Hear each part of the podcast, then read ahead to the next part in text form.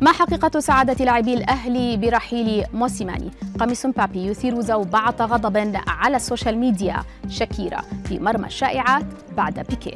هذه الأخبار وغيرها تتابعونها على العربية بودكاست.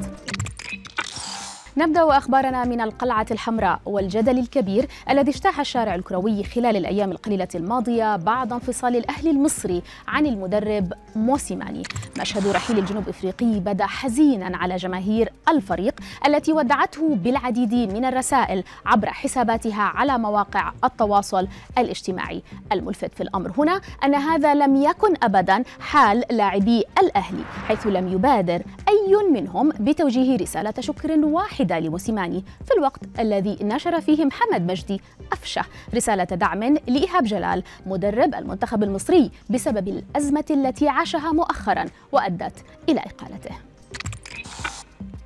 ننتقل إلى لوكا مودريتش لاعب وسط كرواتيا وريال مدريد الإسباني والانتقادات الكثيرة التي تعرض لها اليوم عبر السوشيال ميديا بسبب الفرنسي كيليان مبابي. مودريتش أثار غضب بعضا من جماهير النادي الملكي بعد نشر برنامج الشرينجيتو الإسباني فيديو له يطلب فيه قميص لاعب باريس سان جيرمان الفرنسي أثناء توجه اللاعبين لغرف خلع الملابس. بعد انتهاء مباراة فرنسا وكرواتيا بدوري الأمم الأوروبية.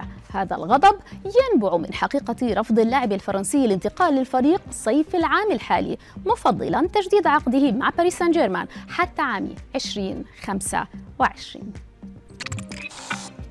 وإلى المغنية الكولومبية شاكيرا. فمن الواضح أنها لم ولن تسلم من الشائعات خلال الفترة المقبلة بعد انفصالها عن والد أبنائها جيرارد بيكي لاعب برشلونة الإسباني. صحيفة ماركا أكدت في عددها الصادر اليوم أن شاكيرا استأجرت العديد من المحققين من وكالة خاصة للتجسس على حياة بيكي الليلية وأن هذه الوكالة هي نفسها من سربت لوسائل الإعلام معلومات خاصة عن بيكي وعن خيانته الم المزعومة بل ونشرت أيضا شائعة وجود علاقة غرامية بينها وبين الممثل العالمي كريس إيفنز. وعلى ذمة الصحيفة فإن الفنانة الكولومبية تحاول حاليا التوصل مع بيكي لاتفاقية مرضية بين الطرفين حول حضانة الأطفال خاصة مع بدء شكيرة التخطيط للانتقال للعيش إلى بلد آخر ومغادرة إسبانيا نهائيا للابتعاد عن ضجيج الإعلام وبناء حياة جديدة.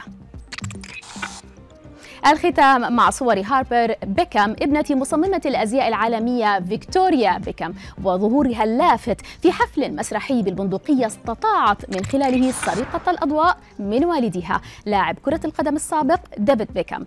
ابنة السنوات العشر استطاعت في مدة قصيرة أن تصبح محور اهتمام الصحافة بعدما تغلبت بأناقتها على ابنتي بيونسي وكيم كارديشيان. وظهرت هاربر مساء أمس الاثنين بفستان بسيط متدرج في ألوان ثمنه وصل سعره ل 1600 جنيه استرليني مزجت به بين الأسلوب الكلاسيكي لفيكتوريا والعفوي والجذاب لوالدها بيكام.